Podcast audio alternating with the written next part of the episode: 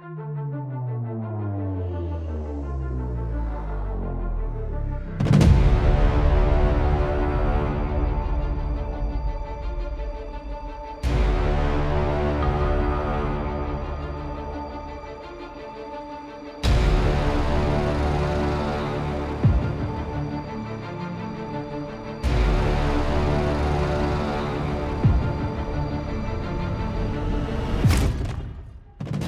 Cześć, witam na moim kanale. Ja mam na imię Piotrek i zapraszam Cię serdecznie do odsłuchania jednego z odcinków mojej audycji pod tytułem Stenogramy zbrodni.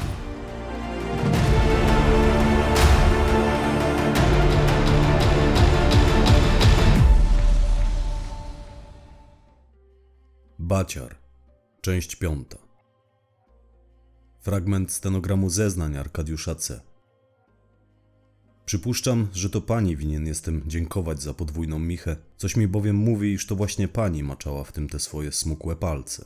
I chyba powinienem powiedzieć dziękuję, bo raz, że dają mi teraz większą porcję, a dwa zamienili mi pieczywo na owoce. Wczoraj zamiast chleba na kolację dostałem jabłko i mandarynkę. Wreszcie mogę najeść się do syta, zasnąć z pełnym żołądkiem. Dziękuję. Notoryczny głód nie pozwalał mi normalnie funkcjonować.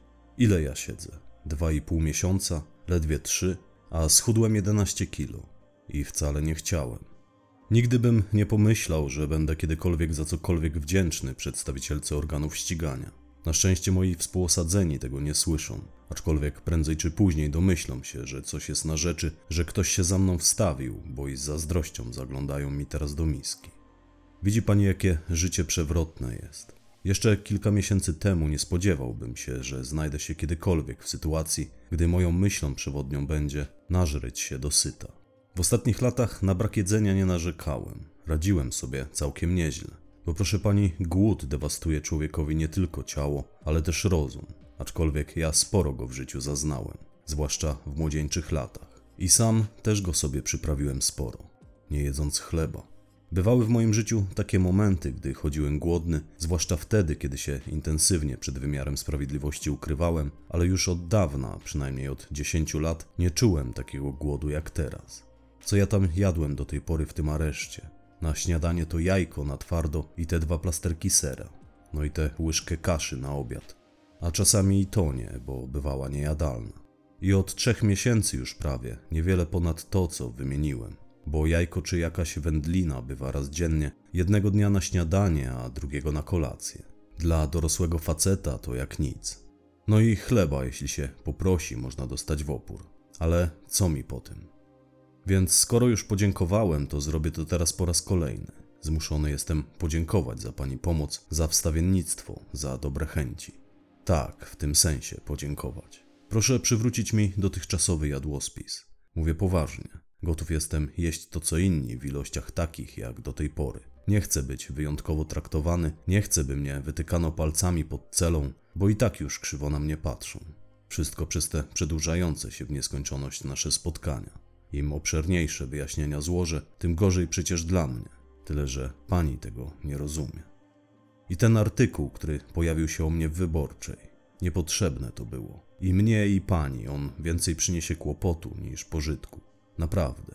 Schwytaliście, to schwytaliście. Nie ma potrzeby tego rozpowiadać. Bo ja na tym świecie mam wciąż wielu wrogów, proszę pani, a teraz dowiedzą się, gdzie mogą mnie znaleźć. No i tutaj sporo jest mi nieprzychylnych, ale dam sobie radę. Ja nie jestem znaleziony w kapuście. Więc proszę mi przywrócić poprzedni jadłospis i wszystko powinno wrócić do normy. Możliwe, że sąd w końcu wyrazi zgodę, bym mógł otrzymywać paczki, więc z głodu raczej tu nie zdechnę a jeśli tak, to najwyżej. A i pani oszczędziłbym tym kłopotu. To co? Wracamy do wątku lolka. No to zaczynajmy. Im szybciej skończymy temat tego palanta, tym lepiej. Jeszcze zanim wybraliśmy się do Sopotu gablotą Wesołego, tą samą gablotą pojechaliśmy do Lolka na metę. On chciał spakować trochę rzeczy, a i papiery swoje lewe zabrać. Każdy z nas winien był zaopatrzyć się w kilka kompletów fałszywych dokumentów. Wymagał tego doliniarski rajd, w który zamierzaliśmy się wybrać. Częste zmiany miejsca pobytu, ryzyko wielu przypałowych sytuacji, możliwość ewentualnych policyjnych kontroli na drodze, no i doliniarska działalność, której zamierzaliśmy się podjąć, podobne eskapady wymagają wielu tożsamości. Więc kiedy weszliśmy do Lolka na kwadrat, do tej jego nory, bo ja inaczej tego miejsca nazwać nie potrafię, to było mieszkanie mieszczące się w kamienicy na krakowskim Podgórzu, nieopodal tamtejszego rynku, przy ulicy Celnej zdaje się to było. Ale mogę się mylić, to nie były moje rejony, ja się tam znalazłem chyba tylko raz w życiu, a i czasu od tego upłynęło sporo. Niesamowicie brudne okna tego mieszkania wychodziły na tak samo brudne okna zrujnowanych kamienic stojących naprzeciwko, po drugiej stronie ulicy. Wąskie tam były i zapuszczone te uliczki wokół, no i kamienice były zdewastowane. A i to mieszkanie też takie było, do tego wilgocią cuchnące, no i całkiem małe, tyle że wysokie jak to w zabytkowych kamienicach.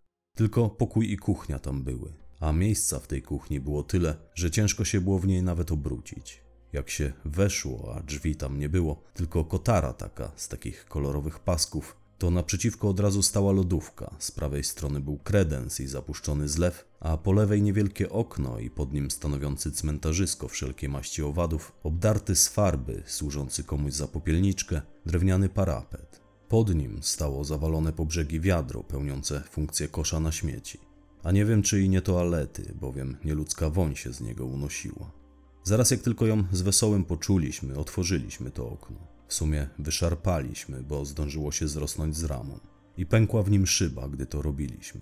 Stare było to okno, drewniane i liche, ale Lolek w ogóle się tym nie przejął. No i toaleta była przynależna temu mieszkaniu na korytarzu. Też kotarą odgrodzona, taką z koca i wspólna dla wszystkich mieszkańców piętra. Wiem, bo w pewnym momencie musiałem z niej skorzystać. Co najciekawsze, pomieszczenie służące Lolkowi za salon i sypialnię jednocześnie, praktycznie do połowy jego wysokości było zagracone, a miejscami nawet po sufit. Tyle, że mebli praktycznie żadnych tam nie było. Lolek po prostu trzymał tam wszystko, co ukradł on i jego kumple, a czego jeszcze nie udało im się upłynnić, bo on trudnił się paserstwem i handlował trefnym towarem. Lecz jak dla mnie było to skupisko wyłącznie mało wartościowych gratów. Pamiętam, jak jeszcze szliśmy do tej rupieciarni, wchodziliśmy po skrzypiących schodach na drugie piętro. Wesoły rzucił do lolka. Człowieku, nie mogłeś wynająć mety w jakimś normalnym miejscu? Już nie gadaj, że cię nie stać. A Lolek odparł: Ja nie jestem taki burżuj jak ty, żebym musiał mieć penthouse w centrum. Wolę mieszkać tutaj, bo ta dzielnica słynie z tego, że tu nawet psy boją się węszyć. No i ksiądz po kolędzie tu nie zachodzi. Tym samym nie podpierdoli mnie potem, łamiąc się opłatkiem z komendantem najbliższego komisariatu. Tak, proszę pani, nie od dziś wiadomo, że klechy to urodzeni donosiciele. Węszą, a potem głoszą Słowo Boże. Więc w końcu znaleźliśmy się w tej lolka noże, tam problem był z przemieszczaniem się. Trzeba było uważać, żeby się nie wyrżnąć. Pani może sobie tylko wyobrażać, jak to mieszkanie było niemiłosiernie zagracone. Ja mam ten obraz wciąż przed oczami. Jak tylko znaleźliśmy się w tym pomieszczeniu, które Lolek nazywał salonem, wesoły rozejrzał się i rzekł: Ola Boga, tu tylko nasrać i wpuścić jeża.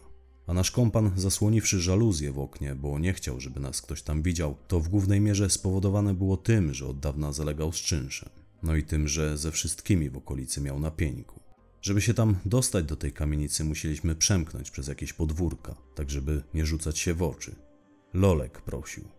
I on w odpowiedzi na zaczepkę wesołego w przypływie szczerości wyznał: A i jeża tu kiedyś miałem. Przyniosła go ze sobą taka jedna, co się do mnie wprosiła na drinka. Z ulicy go wzięła, a kolejnego dnia rano zabrała ze sobą. Córce go zamierzała pokazać. I mężowi. I kiedy Lolek się pakował, wesoły wygrzebał skądś taboret, przysiadł na nim pod ścianą, w sumie tam było najbezpieczniej, nie wiadomo co tam mogło się czaić w tym bałaganie. Jeż to jeszcze byłoby pół biedy. Osobiście obawiałem się wszy, które mogły się tam zalęgnąć, bo tam pod oknem jakiś materac leżał, na nim jakaś kołdra, na niej pełno włosów i pustych puszek. Gdzie niegdzie leżały też stosy jakichś szmat, ciuchy jakieś, futra, oczywiście i umane. No więc bałagan panował tam nieziemski. Bo ja się boję wesz, pani prokurator. Oblazłem je kiedyś, gdy byłem dzieckiem i źle to wspominam. Miałem wtedy 8 czy 9 lat, a oblazły mnie jakoś na końcówce wakacji. Dowiedziałem się, że je mam pierwszego dnia szkoły. Zaraz po apelu zjawiła się w naszej klasie higienistka i zajrzała nam wszystkim w czupryny, a kolejnego dnia wszyscy chłopacy w klasie byli już obcięci na krótko, w tym ja. I dziewczyny wytykały nas palcami. Po prostu, by zapobiec epidemii wszawicy, wygolono nam głowy do gołej skóry, a i chodzić potem nie za bardzo miałem w czym, bo mama najpierw długo moczyła, a potem wielokrotnie wyprała wszystkie moje ciuchy. Robiła to w nocy, by ojciec tego nie widział. No i głowę mi umyła takim specjalnym szamponem i bardzo mnie potem piekła nie tylko skóra na głowie, ale też na szyi, na ramionach. No i oczy. Szczególnie oczy mnie piekły, gdy ten szampon mi do nich spłynął. Pamiętam, że kolejnego dnia obudziłem się zaropiały i niewiele widziałem, obraz miałem jakiś taki rozmazany, ale do szkoły i tak poszedłem. Przemyłem twarz i wyruszyłem w drogę praktycznie po omacku. Tamtego ranka mama była już w pracy w piekarni, a ojcu bałem się przyznać, że coś jest nie tak z moim wzrokiem. Na szczęście potem samo mi przeszło. Pamiętam, jak obcinając mi włosy na polecenie higienistki, bo ta rozdała nam karteczki z prośbą, byśmy przekazali je rodzicom. Tam było napisane: Pani syn ma wszy, proszę pozbawić go włosów. Mama, strzygąc mnie, powiedziała: Gdzieś ty, synek, tyle tych gnit nałapał. Całą głowę masz do krwi rozdrapaną. A ja nawet nie wiedziałem, co to są te gnidy. Wiedziałem tylko, że od kilku dni swędziała mnie głowa, więc się drapałem. Najbrutalniej przez sen i stąd wzięły się moje rany. I do dziś źle wspominam zagracone pomieszczenia w domu rodziców mojego kolegi z klasy, w którym te gnidy prawdopodobnie podłapałem. Ja i moi koledzy, bo wszyscy się tam u niego bawiliśmy. Jak mówiłem, w klasie było nas niewielu i wszyscy trzymaliśmy się zgraną paczką. Nabrałem wtedy wstrętu do wesz i zagraconych pomieszczeń. Być może stąd też całymi latami chodziłem potem ścięty króciutko. Bo wiadomo, czasami o melinę jakąś człowiek się otarł, doliniarskie towarzystwo pochodzenie miewało różne i z czasem mój strach przed wszawicą urósł do rangi obsesji. Do dziś mnie swędzi skóra głowy, gdy sobie o tym przypomnę. I siedząc teraz w celi, z niepokojem patrzę na tych, którzy notorycznie się drapią. Więc gdy Lolek pakował walizkę, chodził tak z kąta w kąt, przeskakiwał nad zalegającymi tam wszędzie klamotami, w pewnym momencie usłyszeliśmy głośne pukanie do drzwi. Postanowiliśmy nie otwierać, przeczekać intruza, ewentualnie sprawić, by sobie poszedł. Ale wraz z tym pukaniem po chwili rozniósł się w mieszkaniu Lolka też żeński głos. Jakaś dziewczyna przez drzwi pytała, czy zastała pana Artura, bo Lolek, jak zapewne pani wiadomo, miał na imię Artur. I on mówi: Dobra, mordy, spokojnie, to nie psiarskie, tylko gówniara sąsiadka. I otworzył jej te drzwi. A za nimi stało około dziewiętnastoletnie dziewczę, no może starsza była, tylko młodo wyglądała. W różowym szlafroku stała, z wałkami we włosach i ze szklanką w ręce. I zajrzawszy do środka, ona obleciała nas takim wścibskim wzrokiem. Mógłbym przysiąc, że nas sobie policzyła. Ona spytała, czy Lolek nie ma pożyczyć szklanki cukru. Ja zaraz wycofałem się do kuchni, by zniknąć jej z oczu, a Lolek stojąc pomiędzy dwoma rowerami, bo i rowery tam były, coś mu się gibało pod nogami i on sam się gibał. Zabawnie to wyglądało, bo machał rękami jak debil, starając się utrzymywać równowagę. I on mówi do niej: Młoda, ja nawet nie wiem, jak cukier smakuje. I ta dziewczyna pokiwała tylko głową, po czym odwróciła się i czmychnęła, taka jakby zawiedziona. Lolek, zamknąwszy za nią drzwi i przekręciwszy zamek, spojrzał na nas, popukał się w głowę, stwierdził: Pojebana, razem ze swoim gachem handluje narkotykami, a do mnie po cukier przyszła. Chyba z byka spadła. Poza tym ja nie używam cukru. A wówczas wesoły wskazał palcem zalegające pod ścianą dwa duże worki z cukrem. Powiedział: W takim razie co to jest? A to nie moje, to ziomeczka, odparł Lolek. Po czym dodał, że jego znajomy zamówił sobie ten cukier do więzienia. I po chwili milczenia powiedział: No co się tak gapicie? Przecież jej nie dam. To na bimber. Kolega jest w mocnej potrzebie. To dlaczego ten cukier tu leży? spytał wesoły. Zapomniałeś przyjacielowi go dostarczyć, jak mnie mam, a kasę pewnie wziąłeś. Lolek podrapał się po głowie, chwilę pomyślał, odrzekł: Kurwa mać, faktycznie, miałem mu go podrzucić w zeszłym tygodniu. Ale zaraz też machnął na to ręką, nic już się nie odezwał, na powrót zaczął pakować walizkę. My też nie drążyliśmy. Osobiście uznałem, że Lolek nie dał tej dziewczynie cukru, bo po prostu był tak skąpy. Jak nie dało się nie zauważyć, jeden z tych worków był otwarty, sporo kryształu w nim brakowało. Widocznie jakiś jeż już zdążył się poczęstować. I tak kręcąc się wśród tych zalegających tam gratów, tam było dosłownie wszystko, od elektroniki w typie telewizorów i magnetowidów, poprzez futra i rowery, po materiały budowlane typu fiadro z farbą jakąś, jakaś wiertarka w otwartej walizce tam zalegała, oczywiście używana, już mocno styrana, zajumana najpewniej z placu budowy, podobnie jak ta farba. Więc kręcąc się tam i rozglądając po tych klamotach, przerzucając je ze stosu na stos, bo przyznam, że pogrzebałem tam trochę, byłem ciekaw, co jeszcze się tam kryje, a i Lolek dość długo się pakował, ponieważ wciąż szukał w tym bałaganie potrzebnych mu rzeczy. I przyszła mi wówczas do głowy taka myśl. Jeśli jakaś kobieta, w sumie ciężko mi w to było uwierzyć, że owe progi mogła zechcieć przekroczyć jakakolwiek kobieta, ale niech mu będzie. Niech będzie, że tam faktycznie nocowała u niego jakaś desperatka z jeżem. I zastanawiałem się, gdzie oni to zrobili, skoro tam łóżka nawet nie było, ani kanapy. Był wyłącznie jakiś fotel, ale tylko na dwóch kółkach i to jeszcze po przeciwległych stronach miał te kółka. Nie sposób było na nim usiąść, bo się chwiał. Jakiś stolik też tam był, ale brudny do tego stopnia, że jakby na nim przysiąść czy się położyć, to już by się człowiek od niego nie odkleił. No i jak już wspominałem, coś w typie legowiska pod oknem zalegało. Ale tym bardziej nikt o zdrowych zmysłach by się tam nie położył. I tyle, nic więcej tam nie było. W mojej ocenie nie było tam niczego, co mogłoby posłużyć do Nieważne. W każdym razie zdradziłem w pewnym momencie moje dziwne przemyślenia wesołemu, gdy obaj stanęliśmy przy oknie, by zapalić papierosa.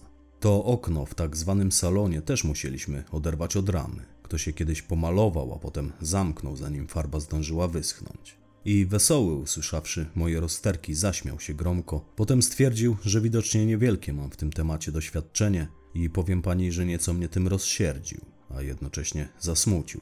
Aczkolwiek na tamten moment faktycznie tak było. Zresztą ja do dziś nie potrafię z byle kim i byle gdzie. Ale pamiętam, co wtedy powiedział. Położył mi rękę na ramieniu i rzekł: Młody jesteś, to i wątpliwości masz wiele. Potem dodał, że dla chcącego nic trudnego, na koniec rozejrzał się dookoła, zerknął na legowisko, zmrużył oczy, pokiwał za probatą głową, oznajmił: Ja bym tu dał radę. I odechciało mi się z nim gadać. Lolek w końcu przestał się guzdrać, jakoś się spakował, zamknęliśmy tę jego norę i poszliśmy. Zeszliśmy po schodach, kierowaliśmy się wąskim korytarzem do drzwi. Było tam dość jasno, co prawda żarówek w kloszach nie było, ale drzwi od ulicy były otwarte na oścież i przez nie światło słoneczne wpadało do korytarza. My kierowaliśmy się do drugich drzwi, tych przeciwległych, prowadzących na podwórze. Wesoły szedł pierwszy, ja za nim, a za mną ciągnął się Lolek. W jednej ręce trzymał tę swoją sporą walizę, a w drugiej niósł jeszcze cięższą torbę. Taką dużą, bazarową torbę w kratę, do której napakował różnych fantów, bo uznał, że przy okazji opchnie je gdzieś w terenie.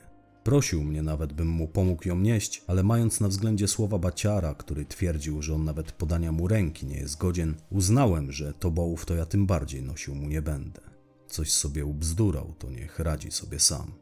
I zwyczajnie mu wtedy odmówiłem, więc dość wolno ciągnął się za nami. Wesoły coś mu tam pomagał.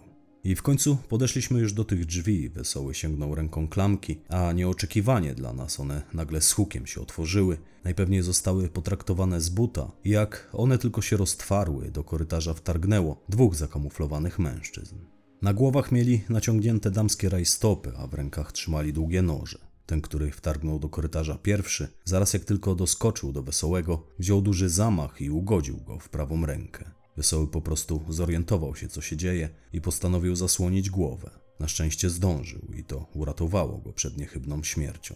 Jak mówiłem, napastnik jednak ugodził go w rękę, ostrze noża wbiło mu się w kość nadgarstka.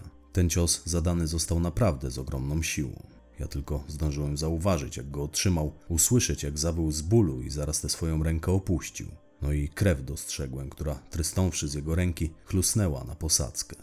Zaraz po tym, jak przyjął ten cios, przewrócił się, bo on, czując co go czeka, próbował się wycofać, odskoczyć, a że ja stałem za nim, to wpadł na mnie i razem upadliśmy na posadzkę.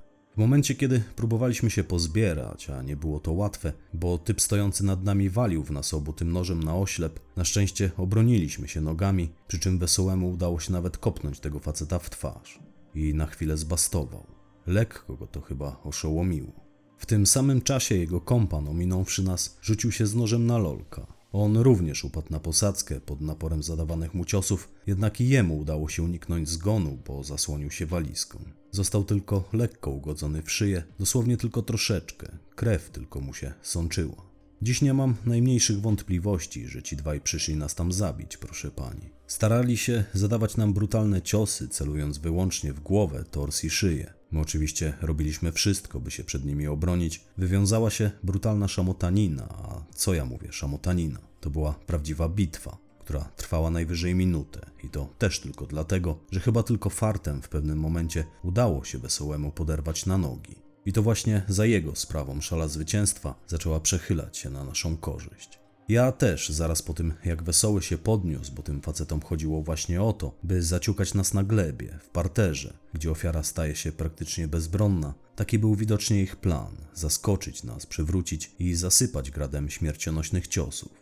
I oni musieli wiedzieć, na kogo polują i ilu nas będzie, bo bardzo pewnie do tego przystąpili. Nie dało się zauważyć w ich zachowaniu choćby krzty wątpliwości czy zaskoczenia. Oni tam przyszli właśnie po nas. Z pewnością musieli obserwować korytarz, chociażby przez dziurkę od klucza. Ja też w pewnym momencie stanąłem na nogi, doskoczyłem do jednego z tych mężczyzn, do tego, którego oprawiał już wtedy wesoły. Jego trochę oszołomiło, gdy otrzymał kilka celnych ciosów w twarz. Doskoczyłem wtedy do niego i z całej siły kopnąłem go w krocze, więc jednego udało nam się jakby chwilowo unieszkodliwić. Zaraz też wesoły zdrową ręką chwycił go za dłoń, w której ten trzymał nóż, a łokieć zranionej ręki, prawej, przyparł mu do gardła. I tak docisnął go do ściany, po czym nakazał mi tłuc tego typa, gdzie popadnie, aczkolwiek moje ciosy nie robiły na nim szczególnego wrażenia. To był kawał drania i zachowywał się jak wściekły. Brutalnie się wyrywał, starał się oswobodzić rękę, w której trzymał nóż, próbował nią wymachiwać, by któregoś z nas nim ugodzić. I w tym czasie trochę mu mordę pokiereszowaliśmy, nie powiem. Widać było, jak przez rajstopę sączy się krew i jakby zaczynał słabnąć. Tyle, że to był postawny facet i wciąż miał na tyle siły, by w pewnym momencie on pewnie był świadom, że zyskujemy przewagę i zaraz może być z nim krucho. I w pewnym momencie wypuścił nóż z ręki i chwyciwszy się klamki w drzwiach, wyrwał się nam, po czym wybiegł na podwórze. Ja natychmiast ruszyłem za nim, chciałem na niego skoczyć, ale przyjąłem kopniaka w klatkę piersiową i dosłownie wleciałem z powrotem do korytarza. Mówię, to był kawał drania. Kiedy wesoły podbiegł do mnie, by pomóc mi się podnieść, ten, który stał już w podwórzu, wywołał swojego kompana. Z kolei tamten, odstąpiwszy od zadawania kopniaków leżącemu na posadce korytarza Lolkowi, bo on przestał go dźgać, a zaczął oprawiać butami, ten facet ominąwszy mnie i wesołego, próbowaliśmy go pochwycić, ale nam się wyrwał i też wybiegł na zewnątrz. I obaj zaczęli uciekać, z tym, że my za nimi już nie pobiegliśmy. Staliśmy w drzwiach kamienicy i przyglądaliśmy się temu, jak się oddalają. To znaczy, ja chciałem za nimi pobiec, ale wesoły mnie przytrzymał za kaptur. I raczej dobrze zrobił. Dziś jestem mu za to wdzięczny, bo nie wiadomo, jakby się to dla mnie skończyło. Wszakże jeden z nich wciąż był uzbrojony, a walka gołymi rękoma z nożownikiem to nie jest dobry pomysł.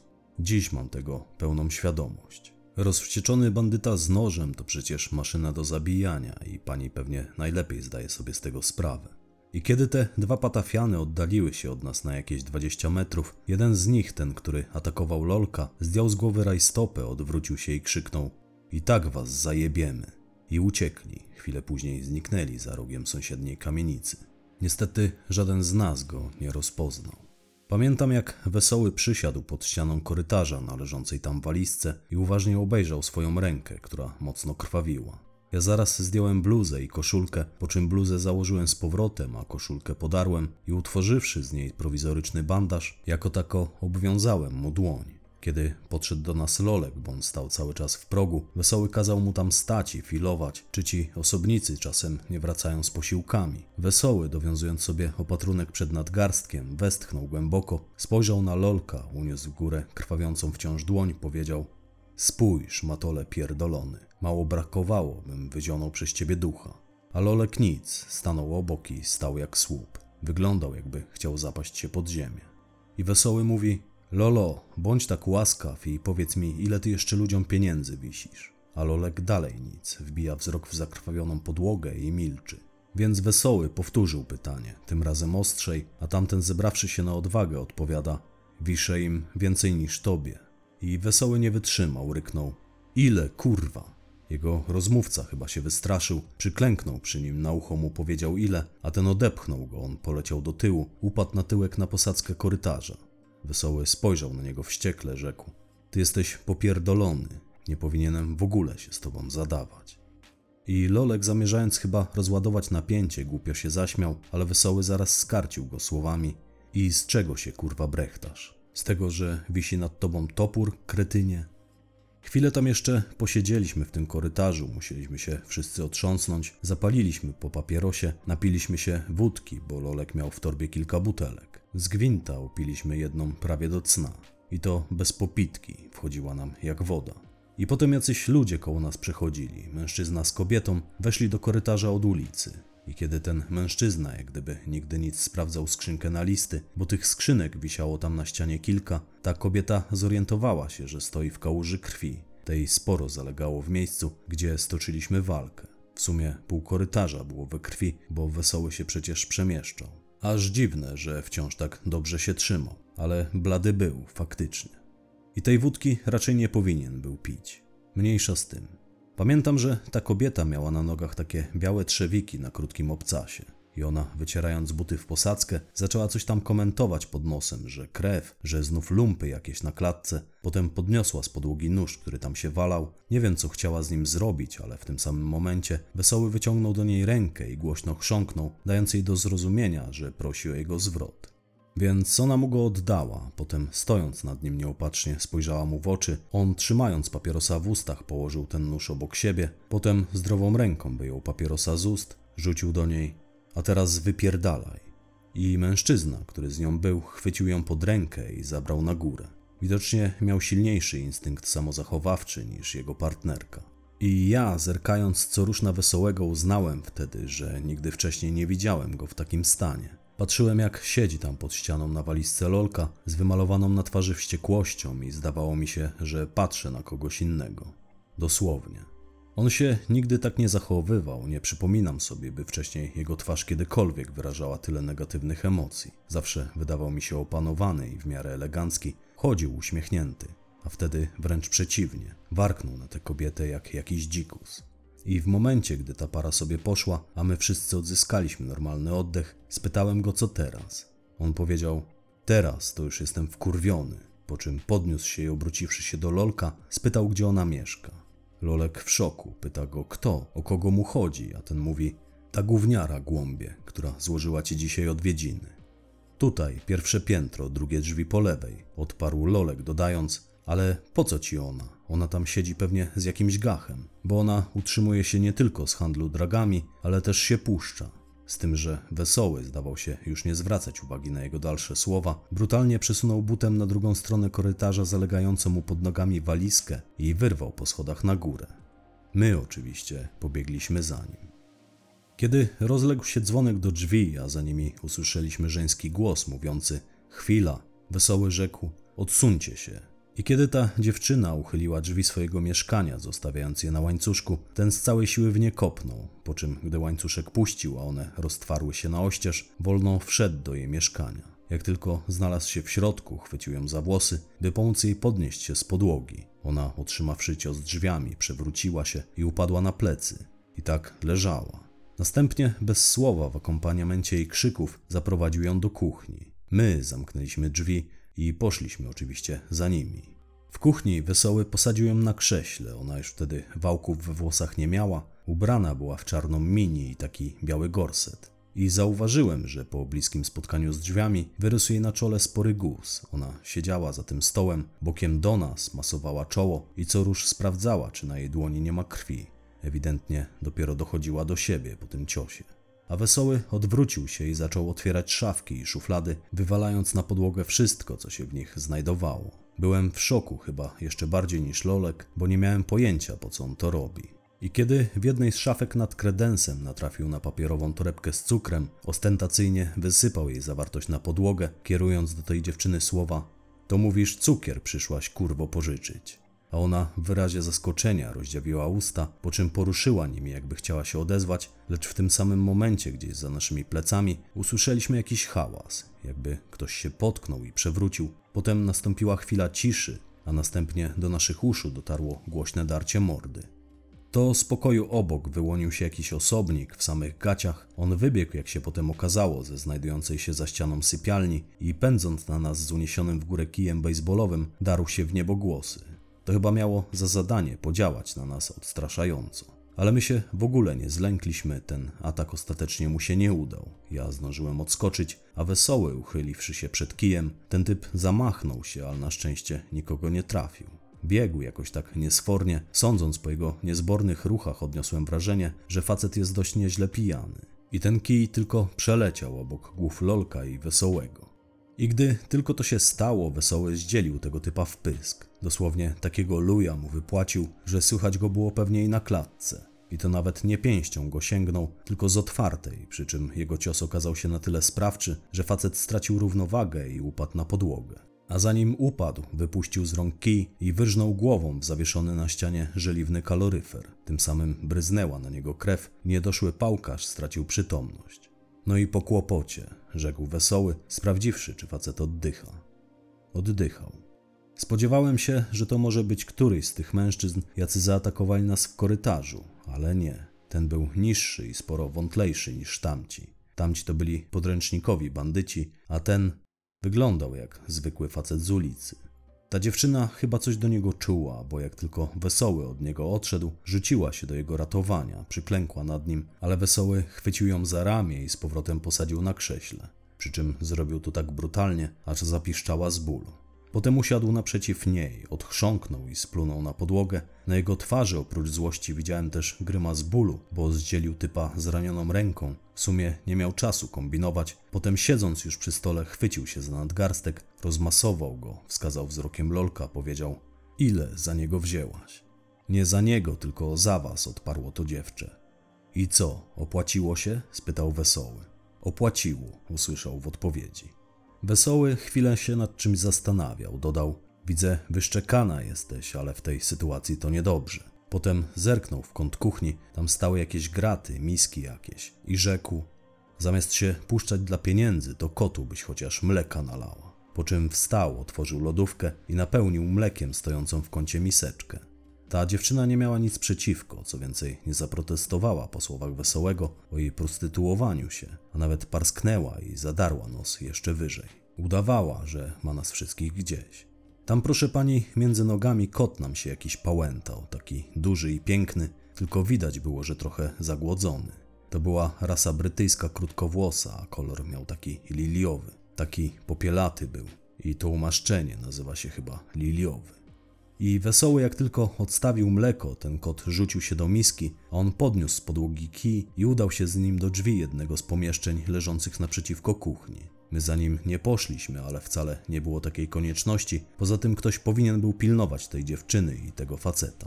A po chwili w mieszkaniu rozniósł się dźwięk stanowiący o tym, jak pod naporem kija łamią się w salonie tego mieszkania meble, eksploduje kineskop telewizora, jak kruszy się szkło w ramach wiszących na ścianach obrazów aż kot się przestraszył i schował w stojącej w korytarzu szafce na buty. Tu muszę nadmienić, że ta dziewczyna miała bardzo bogato urządzone to mieszkanie. Pamiętam, że nawet szkoda mi było zestawu hi-fi, który wesoły tam roztrzaskał. To był porządny zestaw marki Diora. Sam wówczas o takim marzyłem. A potem, gdy skończył demolować salon, wrócił do kuchni, stanął nad tą dziewczyną z kijem, powiedział: Mów, gówniaro, gdzie trzymasz towar a ona niby zaskoczona odpowiada, że nie posiada żadnych narkotyków. Tylko ciekawe skąd wiedziała, że chodziło mu o narkotyki. Wesoły spojrzał wówczas na Lolka, a ten tylko pokiwał głową, dając mu znak, że o tych narkotykach mówił prawdę. Więc Wesoły chwycił stojące na lodówce żelazko, postawił je na stole, włożył wtyczkę do gniazdka, powiedział Słuchaj, kurwa raszplo, mów gdzie trzymasz towar, bo za moment na zawsze pozbawię cię strachu przed zmarszczkami. Nigdy nawet nie marzyłaś o tak rumianych policzkach, jakie będziesz miała. Nie, no niech pani sobie zbyt wiele nie wyobraża. Aż tak mu nie odbiło. Wystarczyło, że to żelazko się nagrzało, a on na nie napluł i widać było, jak ta jego ślina odskoczyła. Ta dziewczyna widząc to bez szemrania wyjęła ze stojącej w kącie pralki spory pakunek. Tam było jakieś pół kilograma białego proszku, zawinięte to było w folię i białą męską koszulkę. I Lolek już wyciąga po ten pakunek rękę, uradowany jak 102, że coś mu z tego skapnie. A Wesoły przechwycił ten pakunek, poszedł z nim do toalety, ta znajdowała się naprzeciwko kuchni, drzwi w drzwi, przy czym obie pary drzwi pozostały otwarte. I przyglądaliśmy się, jak rozrywa ten pakunek i wsypuje jego zawartość do muszli, a potem jeszcze odpryskał się na to i spuścił wodę. Pamiętam, jak on podłączył to żelazko do prądu. Lolek to aż zbladł, widząc, do czego on się szykuje. Poprosił go na stronę, tam rzekł: Wesoły, nie odpierdalaj numerów, przecież oni mnie tu znają. A wesoły wściekle na niego spojrzał, chwycił go za ubranie. Ja do dziś pamiętam tę złość w jego oczach i wypowiadanych przez niego słowach. Powiedział: Morda, leszczu, po czym puścił go i wrócił do stołu. Chwilę tak tam staliśmy z Lolkiem w tej kuchni, gdy on pozbywał się tych narkotyków. Spoglądaliśmy to na dziewczynę, to na siebie. Obaj nie wiedzieliśmy, co się właściwie dzieje i dlaczego. A nasz kompan, wróciwszy z toalety, wyciągnął to dziewczę za stołu, spojrzał na nią, powiedział: No to sobie zarobiłaś, a teraz daj mi jakąś maszynkę do golenia. I ona patrzy tak na niego, przyciskając szklankę do guza na czole, mówi: Ale ja nie mam żadnej maszynki. Wesoły wskazał wzrokiem najpierw jej wygoloną pachę, potem leżącego pod kaloryferem mężczyznę w slipach, warknął: Przecież czymś się dla nich golisz, dawaj maszynkę. I ona, taka zrezygnowana, już chyba dotarło do niej, że nic nie ugra, dla świętego spokoju otworzyła szafkę pod zlewem, pochyliła się i wygrzebała z kosza na śmieci jakąś maszynkę, a potem pokornie wręczyła ją wesołemu. Ten, przyjrzawszy się tej maszynce, powiedział: Co ty kurwa, używaną mi dajesz? I zaraz też dodał: Dobra, chuj, może być używana. A potem wziął jeszcze zalegający w zlewozmywaku nóż i poszedł do łazienki. Kiedy opuszczaliśmy to mieszkanie, wesoły wyglądał już zupełnie jak nie on. Zgolił włosy i brodę, odsłaniając na szyi gęste tatuaże, wykąpał się nawet, bo wcześniej całe ręce miał we krwi, no i te jego oczy. Duże, wściekłe, żywe. Oczy jak nie jego. Pamiętam, jak ta dziewczyna stała przy drzwiach, potulnie czekała, aż wyjdziemy, by je za nami zamknąć. Ja wyszedłem pierwszy, za mną Lolek, ostatni szedł wesoły. I on jeszcze przystanął w tych drzwiach, pochylił się po kota, który chyba chcąc się z nami pożegnać, wylazł z szafki i wplątał mu się między nogi. Wesoły wziął go na ręce, uniósł nad głowę, spojrzał mu w oczy, powiedział: Tak, do kota. Powiedział: Widzę, przyjacielu, że chcesz iść z nami. I w tym samym momencie ta dziewczyna zaprotestowała, powiedziała, żebyśmy go jej nie zabierali. Wesoły położył kota na ramieniu, przeniósł na nią swój wzrok, powiedział: Mam nadzieję, że opłaciło ci się donosić. I poszliśmy. Tak, proszę pani, z kotem. A mając na myśli całokształt tej naszej akcji, chciałem jeszcze tylko powiedzieć, że to było konieczne. Właśnie tak w pewnych kręgach każe się donosicieli. Mnie być może za to, że w ogóle z panią rozmawiam, czeka podobna kara, aczkolwiek spodziewam się surowszej. Kto? A, ten facet. Przespał, proszę pani, całą naszą wizytę. Przywitał nas wyjątkowo hucznie, ale pożegnać się już nie zdołał. A potem? Co potem? Potem chyba wsiedliśmy do auta i pojechaliśmy. Lolek prowadził, ja siedziałem z tyłu. Bawiłem się, pamiętam, z tym kotem. Zastanawiałem się na prośbę Wesołego nad jakimś imieniem dla niego. Chciałem mu nadać imię Roki, ale okazało się, że to jest kotka, więc nazwałem ją Balbinka. I Wesoły wydał aprobatę. W drodze do Sopotu okazało się, że dłoń Wesołego nie przestaje krwawić i bez szwów raczej się nie obejdzie. Do tego bardzo mu spuchła ta ręka, nie tylko sam nadgarstek, ale i dłoń mu napuchła. I przedramię.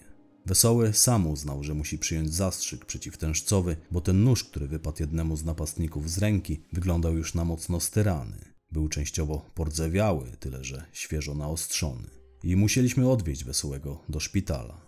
Kiedy go tam zaopatrywano, ja poszedłem do sklepu. Kupiłem nam na drogę coś do jedzenia i jeszcze coś dla Balbinki. Jeszcze tej samej nocy znaleźliśmy się w Sopocie. Przyznam, że ten nasz rajd wyglądał zupełnie inaczej niż się spodziewałem. A i moi kompani z pewnością nie spodziewali się, że wszystko potoczy się inaczej niż to sobie zaplanowaliśmy.